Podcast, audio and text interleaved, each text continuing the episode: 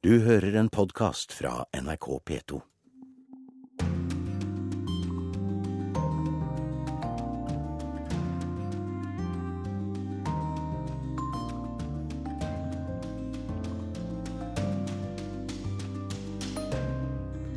Paris minnast terrornatta for ei veke siden. I Brussel er metroen stengt, og det er full alarm. Folk blir oppfordra til å unngå sammenstimlinger. Vestlig etterretning har gjort den verste feilen siden andre verdenskrigen, sier terrorekspert. Det er på tide å erkjenne at IS er en islamsk stat.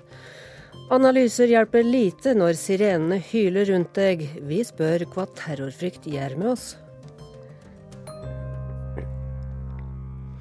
Dette er Urix på lørdag. Vi skal også høre at så vel tsarveldet som svunnen sovjetmakt kan inspirere Putin. Og vekas brevskriver skal ta oss med på sykkeltur i USA.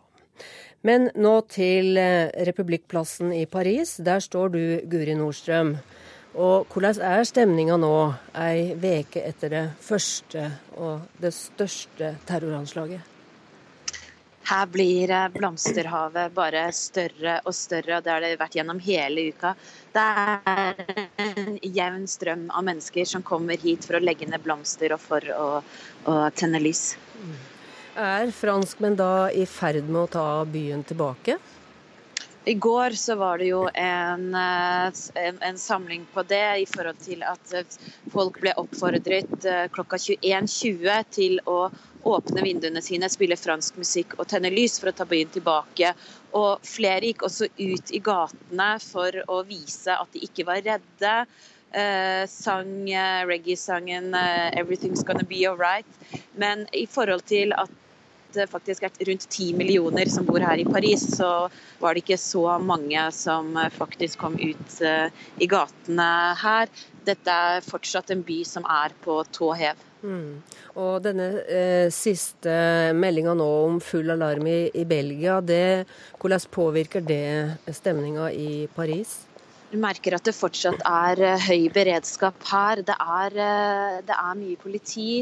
Jeg merker det også f.eks. når man går inn i butikker, så må man hele veien på vei inn åpne veskene, åpne sekkene for å vise hva man har med inn.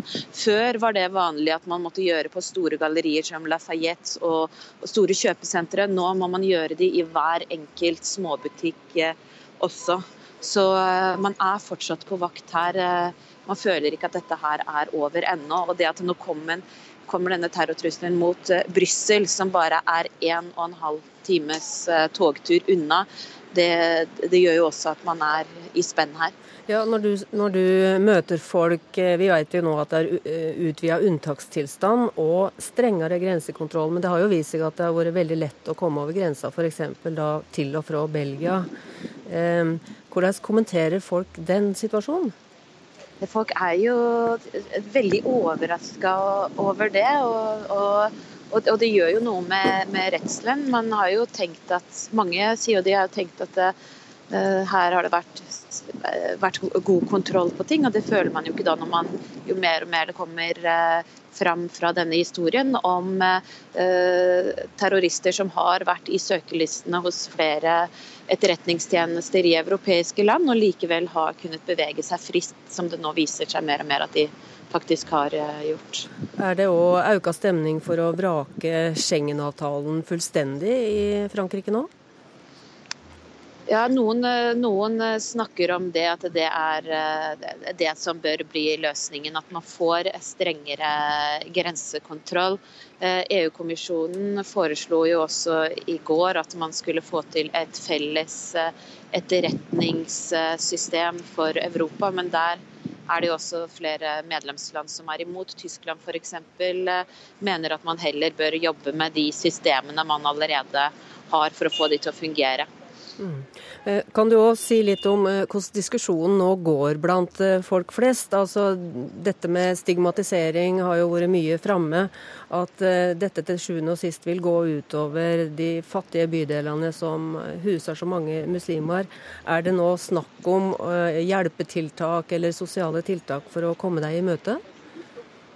Ja, Mange her trekker jo frem det som har vært trukket frem i forhold til både Frankrike og Belgia tidligere. At man har problembydeler hvor hvor eh, de som eh, bor der ikke har blitt integrert i det franske og det belgiske eh, samfunnet. Så man etterlyser jo at det nok en gang må settes på en agenda, men det er jo ikke noe som er nytt nå. Dette har jo vært en diskusjon i flere år i disse landene. Mm. Takk til deg, Guri Nordstrøm. Du følger med på en situasjon som enda er under utvikling. Og vi har også med oss eh, i studio Øyvind Strømmen, velkommen. Takk for det. Du er kjenner av Belgia og i tillegg av ekstremisme. Eh, og denne siste utviklinga nå i Belgia, hvordan tolker du den? Nei, det er noe eh, alarmtilstand. og Eh, det er klart Belgia har vært på tå hev helt siden eh, dette skjedde i Paris. Eh, og det har vært hendelser i Belgia nå over tid òg. Man hadde selvfølgelig et terrorangrep i Brussel i fjor. Man hadde skuddveksling mellom politi og terrorister der to ble drept i Fervir, som var knytt antagelig til det samme nettverket som har stått bak i Paris. Og, nå har man en, en alarmtilstand. og og Det er klart det belgiske samfunnet har vært på tå hev i forhold til, uh, forhold til terrorfaren uh, over, over, tid. Og nå er det på en måte en eskalering uh, der, da. Ja, dette landet som da er kjent for øl og sjokolade og Tintin, du har bodd der i to og et halvt år. Eh, hvordan kan du forklare at det har blitt Ja, det ser jo ut som en arnestad da for hardkokte terrorister?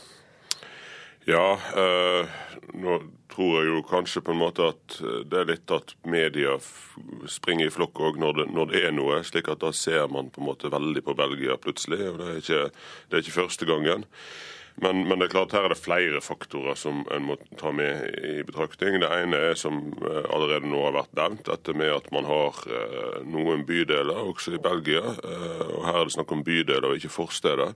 Mm, det er Molenbeek. Molenbeek i, i Brussel. Man har Bucherhout i, i Antwerpen. Eh, begge disse bydelene er varierte bydeler, men deler av de har eh, gettokarakter. Eh, og man har høy arbeidsledighet, lavt utdanningsnivå og mange unge som vokser opp med det som på nederlandsk kalles som kansarmen, altså sjansefattige. Og, og, i den type bydeler så har, har nok ekstreme islamistiske nettverk, predikanter, hatt et lettere arbeid i forhold til å rekruttere. Her er det stort utenforskap osv. Mm. Men, men som forklaring alene så holder ikke det, fordi at nå, nå rettes alle sine øyne mot, mot Molenbeek. Mm. Uh, som er en del av dette bildet. Men det er klart, det har reist mange til Syria, f.eks. fra, fra Vilforde, som er en småby utenfor Brussel. Det har reist folk fra landlige steder, som Bever f.eks. Eh, så, så, det er ikke så enkelt, det bildet. Eh, og da må man se på andre faktorer òg. Belgia har hatt eh, et problem med ekstrem islamisme over tid. Man har hatt miljøer før, og det er sammenheng mellom eldre og nyere miljøer. Og så ikke minst så har man hatt et, en gruppe som heter Sharia for Belgium, som ligner ganske mye på profetens umma. Eh, men som har vært eh, godt organisert, og som har hatt en lederfigur som har vært karismatisk. Og mange eh, foreldre osv. snakker om hvordan deres barn har blitt hjernevaska av denne Fouad Belkacem. Mm. Men, men, denne hovedmannen Abdel Hamid Abaoud skal jo ha blitt radikalisert i fengselet. At han har hatt en utvikling nærmest fra vanlig gatetjuv til islamist. Mm. Hvor vanlig vil du si at det er? Ja, Nå har vi ikke veldig gode tall på det fra, fra, i belgisk sammenheng, men man har tall på det fra Tyskland bl.a. Og, og man har også sett det i Norge for den del, at av de som har reist til Syria, eh, så er det, eh, så er det klart eh, overrepresentasjon av folk som har et, et kriminelt rulleblad. Som har vært borti gjerne stort sett småkriminalitet. Eh, og Det er også noe en finner igjen i flere av, eh, flere av de som nå er mistenkt å være bakmennene for, for eh, terrorangrep i Paris. Og det har vært samme tilsvarende før òg. Så det, det, er på en måte en ganske vanlig del av profilen. Selv om det er ikke, det er ikke sikkert flertallet har det, men det er veldig mange som har det. Mm. Du skal bli med oss videre i sendinga, Øyvind Strømmen, men eh, først nå til et litt annet innspill om IS. Vi har snakka med den italienske terroreksperten Loretta Napoleoni. Hun mener vi må se bakover i tid, og særlig til det som skjedde under og etter den siste Irak-krigen, for å forstå karakteren av IS. Et viktig faktum er at flere av Saddam Husseins toppoffiserer var med fra starten. Vesten har konsekvent undervurdert IS, mener Napoleoni. See, the idea was that they were like the Taliban, that they didn't know how to fight, that they had no idea about running a nation, so we could defeat them very quickly. Also, greatly, greatly undervalued was the number of fighters that they had. Um, the, uh, the statistics initially were that they were about 35, maybe 40,000 people. In reality, they, at the moment, the army of the jihadists of the caliphate is about 200,000 people, Mer enn 200 000 menn under våpen. Det er over 100 000 flere enn den irakiske hæren, og veldig langt unna det Vesten trodde i starten, at IS handla om ei mindre gruppe på mellom 30 og 40 000. Sammenlikninga med Taliban er også feil, og har ført Vesten fullstendig på villspor, mener Loretta Napoleoni. Ja, faktisk mener hun at etterretningsarbeidet i Vesten har ført til det største mistaket etter andre verdenskrig. So a combination of all these factors uh, has produced this, uh, I would say, this enormous, enormous mistake, the one since the end of World War II. Og forklaringa på dette store mistaket er mye å finne i det faktum at Vesten har overlatt Syria til golfstatene, som har langt svakere etterretning.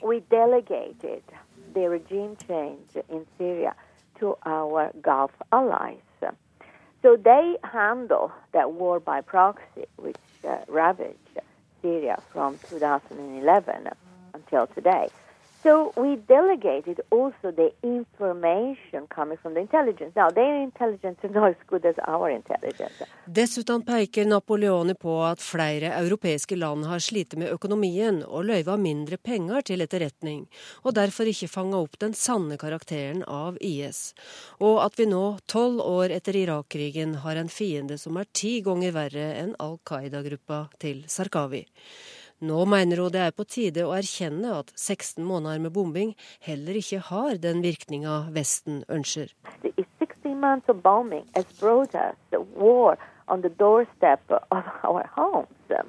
Clearly, clearly, Bombinga har ført krigen hjem til oss, mener hun. Napoleoni veit det er kontroversielt, men ser ingen annen løsning enn å anerkjenne at IS er en stat. De må få sin plass, og sjøl om det ikke nytter å forhandle med IS nå, bør en starte dialog med lokale klanleirer i IS-kontrollerte områder. En må tenke utenfor boksen, som hun sier. Tenke nytt. We have to think um, outside the box. We have to find an alternative way degrade this monster, but not for sure bombing, because you know so far is much stronger. The territory that the caliphate controls today is bigger than the one he controlled before um, the bombing campaign started. We're killing civilians. So I think the military option is not going to give us good results in the long term. Vi dreper sivile, og IS veks. Bombing fører ingen stad på lang sikt, mener terroreksperten Loretta Napoleoni. Nå er tida inne til å slutte å fornekte fakta og starte å behandle IS som en stat. I think this, the, the West has to uh, recognize the fact that what we're fighting Al Qaeda. Uh, it is a state. It is an enemy it has given itself a status of a state, and then we move on.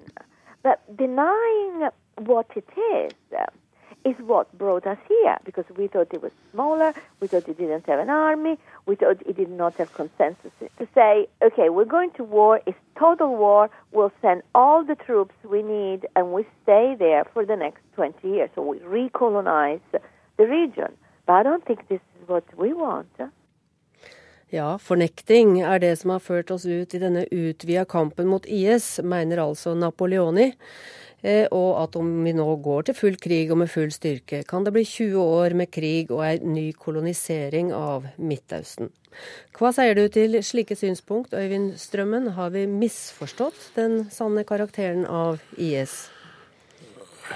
Jeg, jeg syns det er mye for så vidt vi har misforstått i, i forhold til, til IS, men, men, jeg ville vært svært tilbakeholden med å anse de som en, eh, som en statsdannelse, uh, like fullt. Mm. Uh, Hvorfor det? Nei, fordi at De har kontroll over en del områder, det er sant. Men, men det er også mye av de områdene de har kontroll over, så er det via klanstrukturer som de har klart å få med på laget. Eh, det er mye områder som henger ganske dårlig sammen, eh, og det er mye ødemark. Rett og slett ødemark. Eh, slik at den, den reelle kontrollen er jo at de har tatt, inntatt en del større byer, Raqqa, Mosul. Og, og, og det, det, gjør at gruppa er sterk, og de har inntatt en del oljefelter som har gjort at de har fått en en økonomisk styrke, og ikke minst at de har en tilgang på, på rett og slett på diesel. Uh, som, som, driver, som driver kan du si, uh, krigsarbeidet deres. Uh, som, som, andre grupper i Syria har da vanskeligere med å få tak på. men samtidig så, så, er dette en gruppe som har trekk av, av dommedagstenkning. Mm. og som mener at dommedag står for døra, og som derfor også altså, Deres tidsskrift, som er det mest kjente av deres tidsskrift, heter Dabik. Og Det er døpt opp etter en liten by som ligger på grensa uh, til Tyrkia. Uh, og Grunnen til at de har det navnet på det tidsskriftet, er at de mener at det, det endelige slaget eh, mellom kan du si, de gode og de onde skal stå nettopp i Dabik. Mm. og da er det da på bakgrunn av, av islamske endetidsforestillinger som omhandler et slag som skal stå mot romere i Dabik, og de overfører da dette til å være oss, til å være amerikanerne osv. Så, videre. mm. så de ønsker, jo, eh, de ønsker jo på en måte å dra flere inn i konflikten. Og de oppfører seg jo på mange måter da ikke, slett ikke som en stat, mm. men som en, en, en, en, terrorgruppe. Samtidig er det en gruppe som har kontroll over landområdet, og det skiller de jo åpenbart ifra Eh, Al Qaida, som riktignok hadde en viss, eh, en viss eh, standing i, i, Afghanistan under Taliban. Men, men en kan jo si at f.eks. Al Shabaab i Somalia kontrollerte jo store deler av Somalia. Men mange mener jo at det er mye som tyder på at det sitter en, en sterk IS-leierskap i Raqqa, og, og, at det er tenkelig at en kunne ha koordinert alle disse siste angrepene fra f.eks. da Raqqa? Det har vært jo, det har, altså Fransk etterretning mener jo at det har vært kontakt eh, i retning Raqqa eh, mm. i forhold til det angrepet som har vært i Paris eh, nå. Samtidig så er jo denne gruppa som, som har gjennomført eh, Paris-angrepene, det er jo Eh, noen som har vært aktive, og som har også knytta opp til disse, denne hendelsen i Verfirs i, i, Belgia, som jeg nevnte tidligere. Mm. Uh, og, men det er jo ting som tyder på at her er det, her er det koordinert. Uh, ja. Det er det. Og, og, for å dra det litt tilbake til Belgia, der det nå er full alarm, og du kjenner Belgia godt. Um, hvordan kan en forklare at denne hovedmannen bak eh, Paris-angrepet eh, var ettersøkt i hardt annet år? At han klarte å reise fram og tilbake, tydeligvis òg til og fra Syria? Og, og passere grenser mellom eh, både da utafor Schengen og inn, og Paris-Belgia. Eh, har Belgias veldig åpne grenser og slappe grensekontroll lagt til rette for, for det en ser nå? at Belgia ligger jo midt i, midt i Schengen-området, så de har, jo, eh, de har, jo, eh, ikke noe veldig aktiv grensekontroll i forhold til sine naboland. Det er jo Nederland og Frankrike og, og Luxembourg og Tyskland. Um, så, så, det at det har vært enkelt å reise mellom, mellom, Frankrike og Belgia, det er jo ingen overraskelse. Det er heller ikke noe nytt. Det er også en en grense som eh, altså Det finnes mange steder å krysse den grensa på. Ja, og Så har de jo eh, ikke politi som Nei. har kontrollert der. Eh, så, men, men, det er klart, etterretningssvikten oppi dette er jo noe som har vært et tema både i fransk og i belgisk presse mm. de siste dagene. Fordi at man òg har bl.a. disse Abdeslam-brødrene. Som, som, belgisk etterretning har vært klar over, mm. som har fulgt med på, som har vært en bekymringsfaktor. Eh, og som har hatt reiseaktivitet til Paris, eh, en av de iallfall, som man har eh, observert. Og så har ikke fransk etterretning fått beskjed. Og likevel så har de altså gått under radaren. Vi takker for at du var med oss her, Øyvind Strømmen. Vi skal til minne om Paris igjen, der altså franskmenn forsøker i dag å ta tilbake sine vante liv etter at terroren tok livet av 130 mennesker for ei uke siden. Men hvordan leve vanlig når det fremdeles er reelle trusler, og en kjenner seg forandra både i tanker og atferd? Kollega Sissel Wold deler sine erfaringer fra tida i Jerusalem med oss. Hun var der i en tid da selvmordsbombere ofte gikk til angrep mot kafeer og busser. Skal vi gå på en restaurant og spise? spurte min israelske venninne Judith. Vil du spise ute nå? svarte jeg nølende og så på sønnen min Magnus. Han var fire år. Året er 2003 i Jerusalem under den andre intifadaen. Hamas og andre militante grupper sendte ut en hær av selvmordsbombere for å spre død og frykt. Dette året ble 54 mennesker drept i 23 angrep i Jerusalem. Folk som tilfeldigvis var på en buss, sto i en travel gate eller satt på feil kafé til feil tid i byen. Vi drar tidlig, før restauranten fylles opp. Ingen sprenger seg et sted uten folk, sa Judith. Hun ville trosse selvmordsbomberne ved å leve normalt. Vi dro. Vi satte oss langt fra vinduene, for glasskår er farlig om det verste skulle skje. Med ett kom en stor vennegjeng inn, som fylte opp to bord. Judith og jeg så bekymret på hverandre. Var vi nok folk i restauranten til å bli et terrormål nå? Skulle vi gå ut? Samtalene, planlegging og atferd. Alt endres når frykten for terror overtar. En ettermiddag hørte jeg dem igjen, sirenene. Som hylende hyener jaget de rundt i gatene i mer enn 30 minutter. De stakk som kniver inn i folks sinn. Redselen bredte seg. Hvor? Hvem? Hvor mange? Hvor er Magnus? Skolebussen som kjørte ham fra barnehagen, skulle ha vært her nå.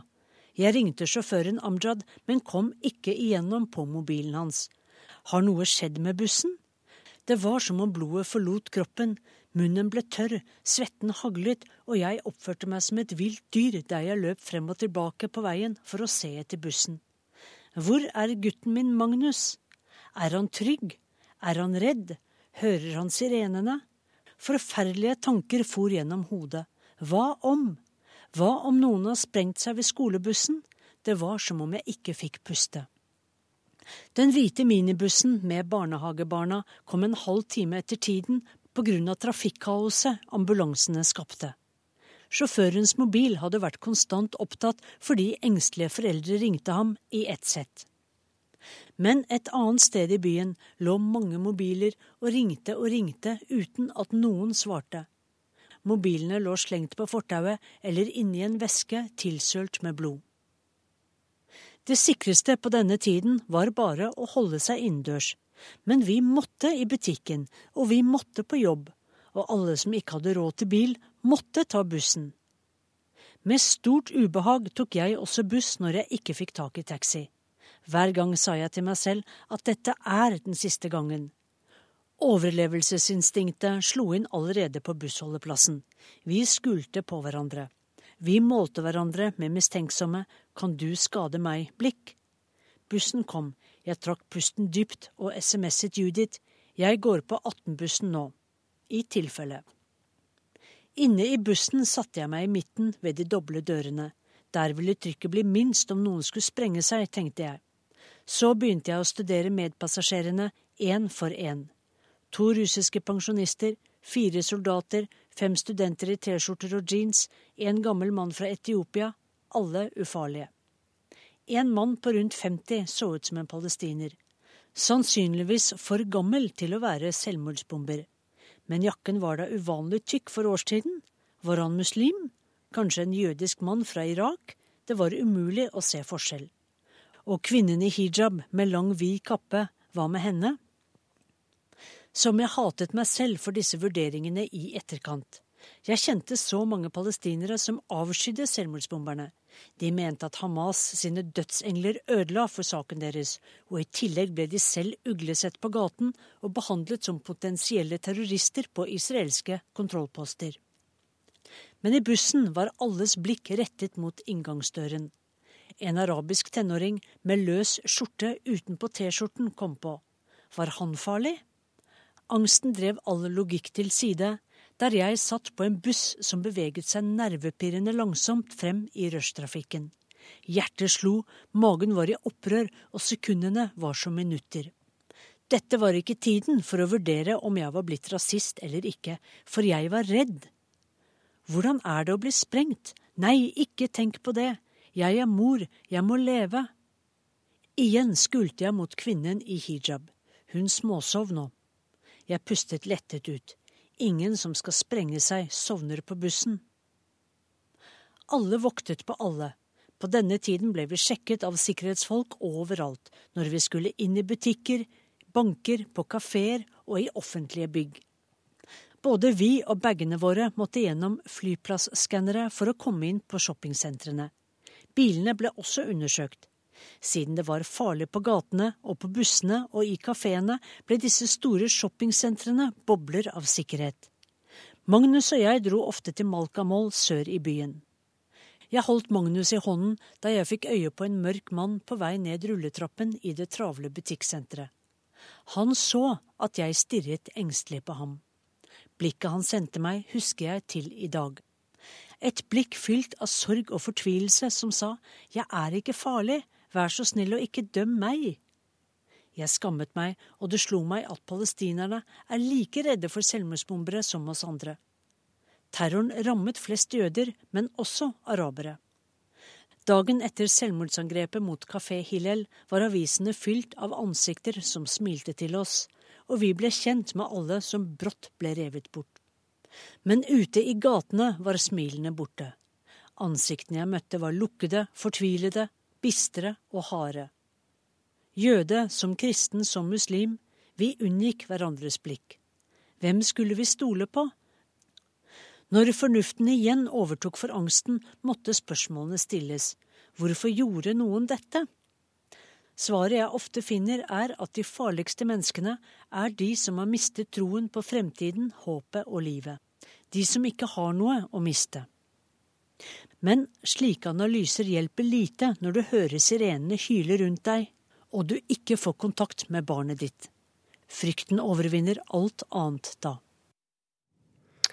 Og det var Sissel Wold vi hørte her. Denne veka er altså fremdeles prega av terror og høgste alarm i Belgia.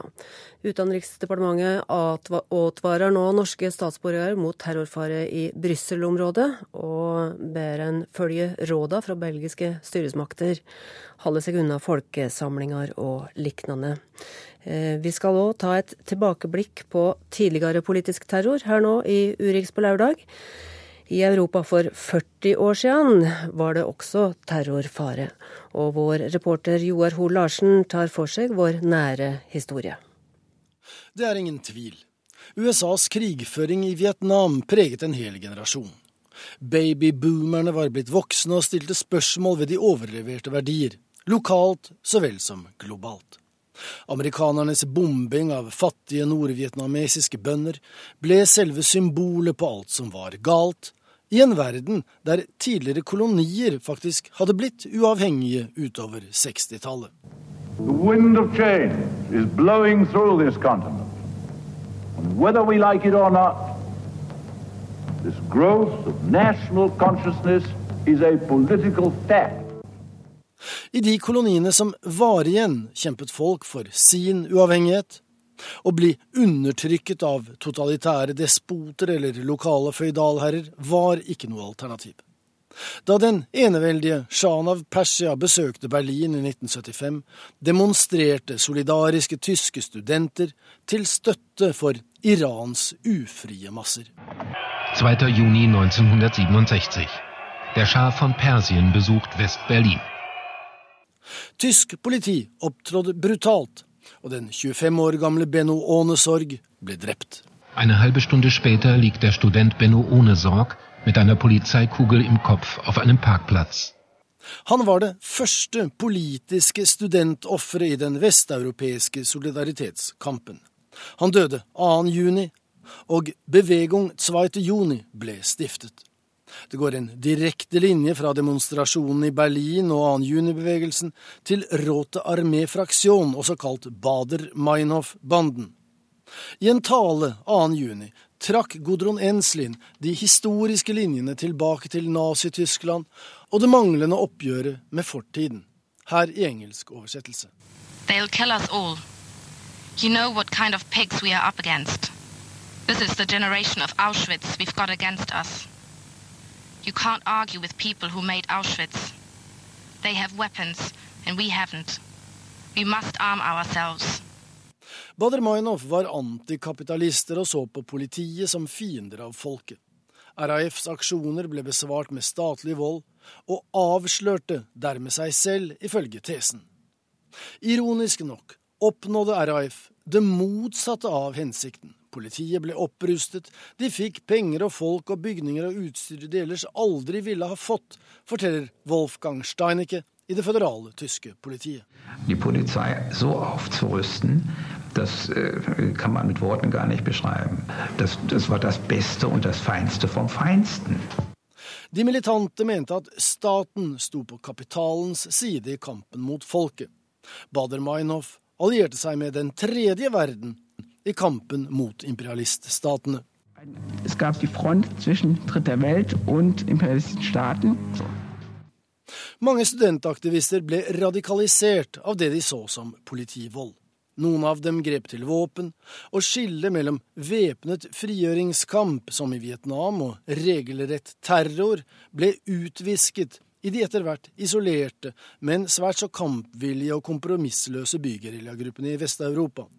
Røde brigader i Italia kidnappet tidligere statsminister Aldo Moro mens han var på vei til nasjonalforsamlingen for å danne sin tredje regjering. Il presidente della democrazia cristiana Aldo Moro rapito a Roma stamane all'uscita dalla sua abitazione. Røde brigader var revolusjonære og drev klassekamp. Prospero Gallinari var med på å kidnappe Moro. Han vokste opp i enkle landsens kår, vegg i vegg med rike jordeiere, men de levde i to forskjellige verdener. Han opplevde sosial ulikhet og økonomisk urettferdighet. Derfor ble han med i Røde brigader. a 20 metri di distanza, nello stesso cortile, due case, una di fianco all'altra, ma è come se ci fosse stato un muro, come se ci fosse stata una barriera. Den europeiske terrorismen på 70-tallet var hjemmegjort, men hadde ikke vært mulig uten opprettelsen av staten Israel i 1948 og palestinernes nasjonale bevisstgjøring på 60-tallet. I september 1970 sprengte PFLP fire vestlige passasjerfly i luften i ørkenen i Jordan.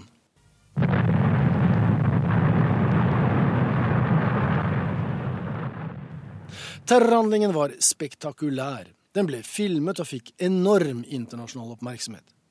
Svart september, som gjennomførte terroraksjonen mot den israelske olympiatroppen i München i 1972, var et ektefødt barn av kalamitetene etter flysprengningen i ørkenen. Midtøsten og palestinernes kamp ble viktig. Europeiske terroristspirer fikk militær opplæring av ytterliggående palestinere i bl.a. Bekkadalen. Slik fikk de også kontakt med andre militante europeere på tvers av landegrensene i Europa.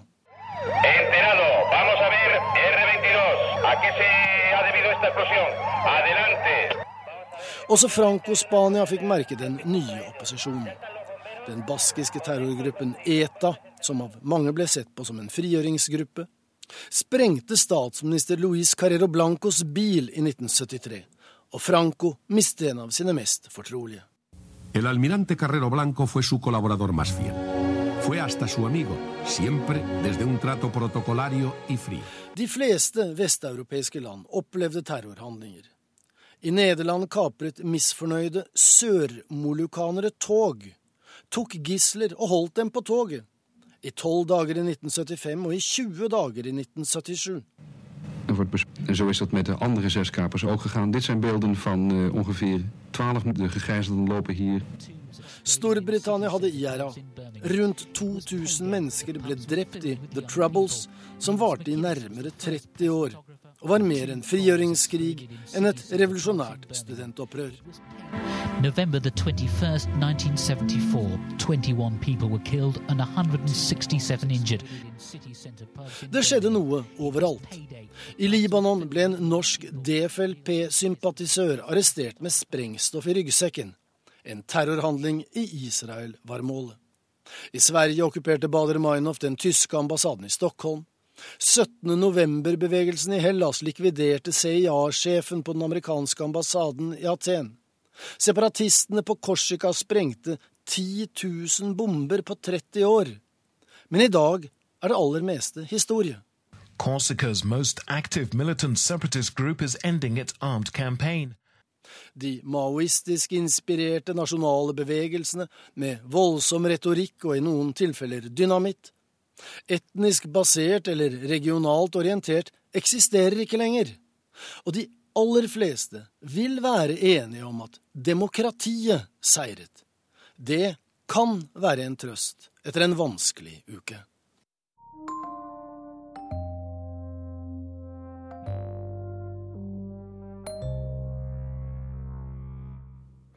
En britisk historiker og Stalin-biograf eh, sammenligner Putins styre med tidligere tsarvelde og sovjetleirer, og hevder han er ei interessant blanding.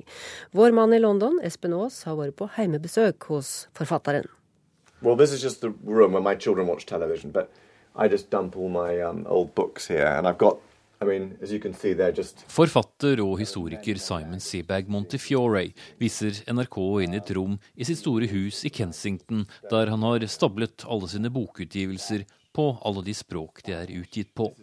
Han har alltid hatt en sterk fascinasjon for Russland og det tidligere Sovjetunionen, og reiste også rundt som krigskorrespondent i Tsjetsjenia, Georgia og Estonia i flere år.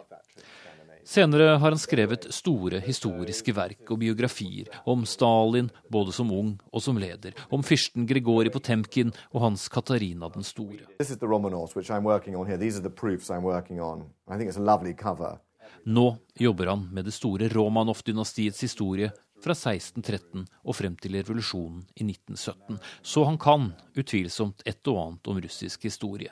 Men drar også klare linjer frem til vår tid og nåtidens hersker, om du vil, president Vladimir Putin, som medregnet sin korte periode som statsminister har styrt Russland i over 15 år. I, I mean, Putin is so much a sort blend the Romanov past and the Stalinist past. Um, you know, he's so concerned with, with, with kind of restoring Russia to the greatness that it had under both those Ifølge den prisbelønnede forfatteren, hvis vennekrets inkluderer både statsminister David Cameron og prins Charles, har den russiske presidenten et sterkt ønske om å løfte Russland tilbake til gamle høyder, og samtidig unngå feilene han mener ble begått av enkelte forgjengere. Kind of power Russia had um, under Catherine the Great, Alexander I, you know, when they took Paris. Um, and then again when Stalin, when they took Berlin, and, and you know, those were the two kind of great high points of, of Russian power. And those things are very relevant to him. Og nettopp derfor har vi også fått den spente situasjonen med Ukraina og Krimhalvøya, mener han.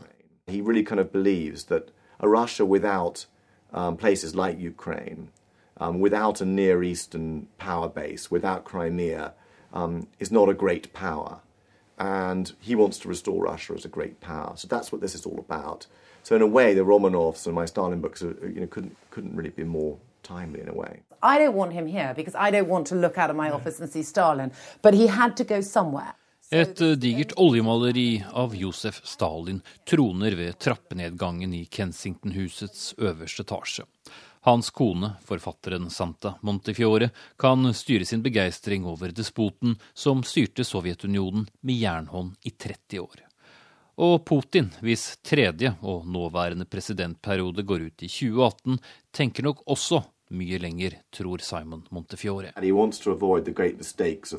Leaders, Gorbachev, the Tsars, Nicholas II.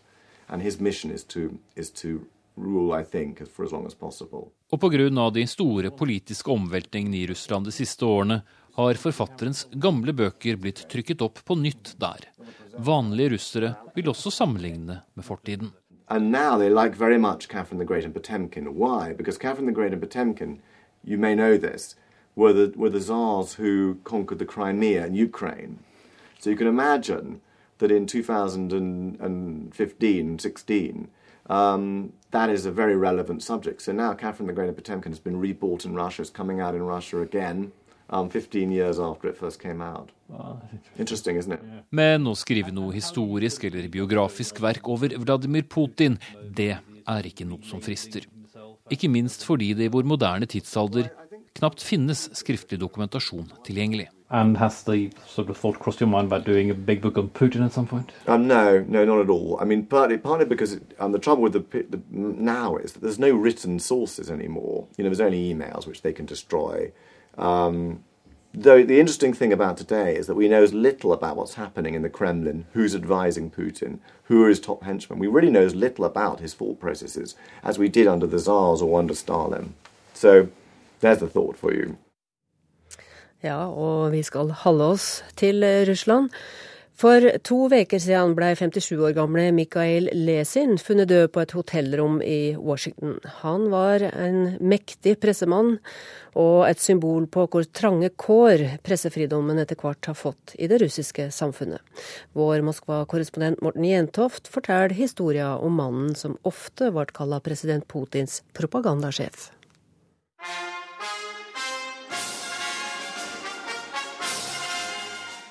Mikhail Jurevitsj Lesin var som de fleste av dem som i dag leder Russland, et produkt av Sovjetunionen.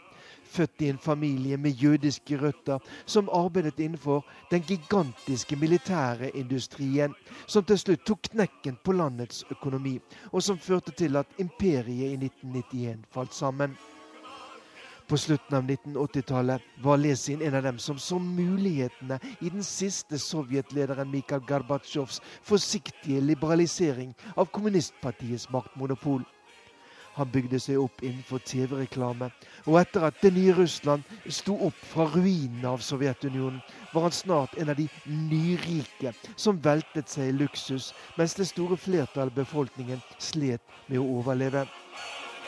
Men Mikael Lesin, som raskt fikk et rykte på seg som en dyktig, men skruppelløs leder, ville også ha politisk makt og innflytelse. Og det fikk han som sjef for nyhetsbyrået Ria Novosti, som også er en overlevning fra Sovjetunionens dager. Жили-были бабушки и дедушки, и их дети.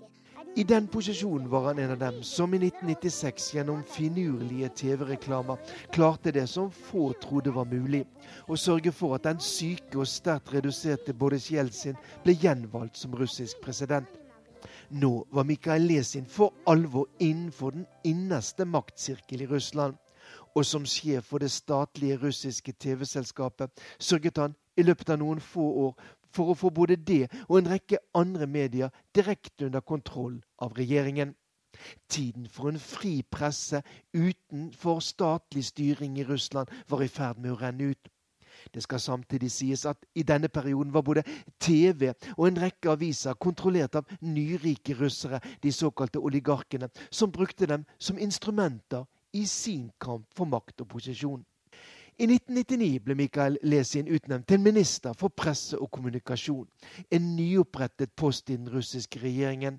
Og i kraft av denne var Lesin helt sentral da Boris Jeltsin overraskende trakk seg som president nyttårsaften 1999, og utnevnte Vladimir Putin til sin etterfølger. Нас, э, бюро пропусков не пропускают I 2001 klarte Mikael Lesin også å få kontroll over den siste store uavhengige TV-kanalen i Russland, NTV. Nå sto han på høyden av sin makt. Men det skjedde noe med Lesin etter at han måtte gi seg i forsøket på å få sparket en medarbeider i Moskvas Ekko i fjor. Kort tid etter måtte han trekke seg fra stillingen som sjef for Gazprom Media, og plutselig hadde han ikke like mange venner i det russiske maktapparatet. Russisk presse har den siste uken også spekulert i at han, til tross for alle pengene han hadde fra tidligere, var havnet i en vanskelig økonomisk situasjon. En ryggskade etter en skiferie i Sveits har også plaget ham i flere år. Og nå er altså mannen som en gang styrte russisk presse med hard hånd, død. Og i et Russland som alltid er fullt av rykter og konspirasjonsteorier, er spekulasjonen i full gang om det kan ha vært noe mer enn et hjerteattakk som tok livet av Mikael Lesin. Foreløpig er det ikke noe som tyder på det. Men hans historie og livsløp er uansett interessant, og et bilde på alt som har skjedd her i det store Russland de siste 25 årene.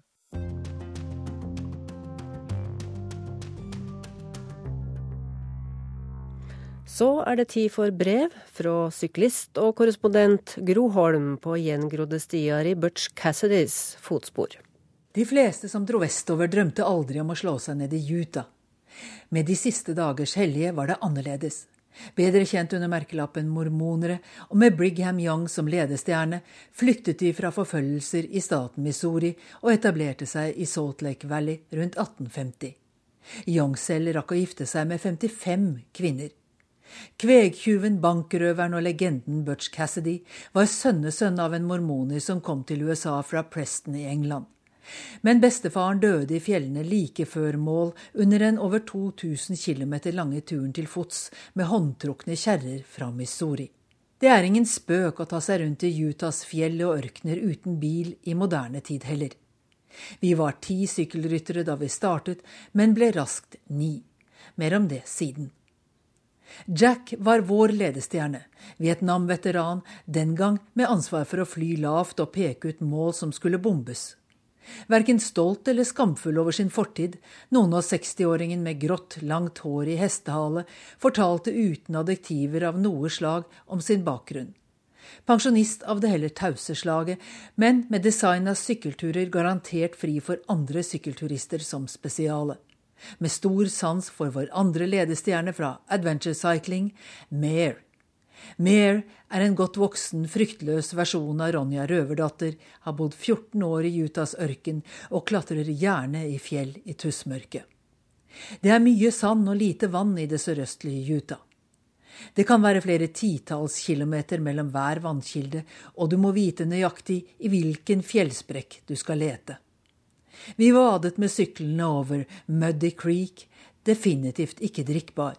Det er heller ikke Dirty Devil River, den skitne djevelelva. Ikke rart at kvegtyver og polygame mormonere på flukt fra føderale myndigheter med alle sine koner søkte seg hit. Noen av dem slo seg ned ved Henry Mountain, et av de aller siste fjellene som ble prikket inn på USAs kartverk. Men de var ikke helt alene. For med den første transkontinentale jernbanen i 1869 kom også de store kvegeierne. Store krøtteflokker ble fraktet opp fra Texas, og unge mormongutter ble leid inn som kvegpassere eller cowboyer. Mange av dem kombinerte gjeterjobben med kvegtyveri. Kalvene ble skilt fra kvigene, merket med eget bumerke og gjemt i trange canyons, eller kløfter, før de ble solgt. Butch Cassidy, og da snakker vi ikke om skuespilleren Paul Newman fra filmen Butch Cassidy and The Sundance Kid, han var i mange år den store stjernen i røverflokken. George Leroy Parker var hans egentlige navn. Cassidy arvet han fra cowboyen og kvegtyven som opprinnelig ble ansatt for å ta seg av farens krøtter. Legenden forteller at Butch Cassidy aldri drepte noen før i det aller siste oppgjøret der han selv ble drept. Det var i Bolivia. Han ledet en røverbande kalt The Wild Bunch, den ville gjengen drakk mindre enn de fleste og behandlet kvinner og barn med respekt etter datidens normer. Men Butch og gjengen nøyde seg ikke med kveg. De ranet banker, tog og prærievogner. I 1897 fikk de med seg 8800 dollar etter å ha ranet en kurer fra et kullgruveselskap midt på lyse dagen på jernbanestasjonen i Castle Gate i det sørlige Utah. Butch bestemte seg for å søke tilflukt i Robbers Roost, røverens hvile, ett av flere skjulesteder benyttet av alle slags røvere, mordere og konemishandlere på den tiden, skriver den for lengst avdøde historikeren Charles Kelly. Ingen sheriff våget seg noen gang inn i Robbers Roost, trass i at det var velkjent som tilfluktssted for fredløse som opererte langs en rute som strakte seg fra Canada til Mexico. For å komme dit måtte en passere trange kløfter med stor fare for å bli oppdaget. Jeg har selv vandret i canyons i nærheten, av og til med mindre enn ti centimeters bredde til foten eller hovene. Men Cassidy var lommekjent, og i tre måneder spilte de kort og drakk i Robbers Roost før de dro på nye tokt. Meningen er at dere skal oppleve eventyret i Utahs ørken mest mulig på egen hånd, forklarte turleder Meyer meg en formiddag med 48 grader celsius, flere timers sykkeltur foran meg, lite vann og et kart som overhodet ikke var til å bli klok av. Meningen var altså slettes ikke å bli guidet gjennom ørkenen. Vi hadde kart og kilometerteller på syklene. Turlederne kjørte stort sett bil og handlet inn til måltidene vi lagde i fellesskap. Det var bare det at distansene som var skrevet inn med hånd på kartet, overhodet ikke stemte. Ingen mobiltelefoner virket langs ruta, og de to satellittelefonene vi skulle ha som sikkerhet, var det ikke betalt abonnement for. Så en dag bare forsvant pensjonisten Yui. Yui var en veldig erfaren eventyrsykler, men har en hofte som av og til kommer ut av ledd, og da slutter han å kunne gå selv. Yui er stor, atletisk, og førsteinntrykket er overklasse med mye tid. Men Yui var pensjonert sjåfør for UPS, verdens største pakkeleveringsfirma. Broren er styrterik finansmann og demokrat, med Hillary Clinton på gjestelisten. Men altså, Yui han forsvant på den tørreste og lengste dagsetappen med endeløse steinvidder eller bare sand foran og bak. Han forsvant like etter et uttørret elveleie som var uframkommelig for selv de beste firehjulinger. Jeg hadde tatt med fem liter vann, det var for lite. En geologisk ekspedisjon med ekstra vann reddet meg, der jeg tråkket så raskt jeg kunne for å varsle turlederne i leiren om mannen som manglet. Men akk, godeste Yui hadde tatt feil i et kryss og fikk haik med en pickup nærmere sivilisasjonen, i asfaltland. Han hadde allerede satt opp teltet sitt da jeg nådde fram til leiren. Gjensyn og slitne tårer etter bare fem dagers bekjentskap. Superdataspesialist Raoul fra Seattle ville kanskje vært cowboy om han hadde levd for 120 år siden. Med sine 49 år var han også den yngste. Han foretrakk egentlig å ri alene, i alle fall alltid først. Liten, tett, råsterk og fryktløs suste han forbi samtlige på steinete stier og sandete vaskebrettveier. Jeg kunne kjørt dobbelt så fort, men ville vente på Walt, sa han en ettermiddag vi satt utmattet av varme og anstrengelser med hver vår øl under en vaklevoren presenning mot ettermiddagssola. Walt sa ingenting. Han er for voksen for den slags konkurranser. Walt jobbet som utvekslingsstudent i NRKs teknologiavdeling på 1970-tallet, før min tid. Tilfeldigvis møttes vi i Utahs ørken. Mark er pensjonert general fra USAs flyvåpen med militær sans for å lage mat av de råvarene en har når bilen med kjøleboksen og mesteparten av maten står på verksted. Skjønt kjøling, frokostmat og kjøtt duppet i kaldt vann i stedet for is i varmen. Det gjelder å tenke på de første mormonene med håndtrukne kjerrer, tenkte jeg da, og satte uendelig pris på Marks pragmatiske egenskaper. Det er lett å glemme politikk med slike omgivelser. Helt til nest siste dagen og sykkelturen rundt Tempelfjellet og Utahs urangruver. Få av oss tjente penger på letingen etter uran, skriver uransøker Owen McLennan på en infotavle like ved et par åpne gruvesjakter. Men mange bidro til at uran ble funnet i store nok mengder til å lage atombombene å drive ubåtene våre, slik at Sovjetunionen ble tvunget i kne og forhindret fra å ekspandere videre. Med andre ord, USA har æren for at unionen raknet, ikke baltiske nasjonalister, ikke indre opposisjon. I skråningen opp mot Tempelfjellet står en rusten Cadillac fra 1949, og vi støter på rester av plankehus og eldre steinhytter. I årene etter andre verdenskrig strømmet tusenvis av arbeidere hit for å grave uranholdig malm og bidra til den store dugnaden atomkappløpet med Sovjetunionen. De bodde i brakker, biler og telt. Mange fikk kreft og døde som følge av radioaktiv stråling, og det er fortsatt flere hundre usikrede forlatte urangruver i Utah. Jeg nevnte tidligere at vi mistet én av sykkelrytterne underveis. Hayley fra Alaska kom sammen med nyskilte John, begge kvinner. Hayley annonserte raskt at hun hadde multiple sklerose, og da vi hørte at hun hadde veltet i en bratt nedoverbakke, tenkte mange av oss at det var kanskje vel risikabelt med en slik tur. Men sannheten var at Hayley likte fart, og foran lå en endeløs bakke og fantastisk natur. Så punkterte dekket, og Haley fikk helikoptertur og en uke på sykehus i stedet for sykkeleventyr. Den pensjonerte kommuneadvokaten Jan snakket på inn- og utpust mens vi tråkket i sand. Litt om Haley, men mest om mannen hun hadde vært sammen med siden hun var 13, men som nylig forlot henne til fordel for en annen. Jan var også veldig god til å klatre i fjellkløfter. Men det er for lengst slutt med den tiden da vågale kvinner kunne få innpass hos sjarmerende fredløse i Robbers Roost. Og vi som fikk denne sendinga, Urix på lørdag, på lufta, var Hanne Lunås i teknikken. Produsent var Vidar Eidhammer, og her i studio Sigrun Slapkar.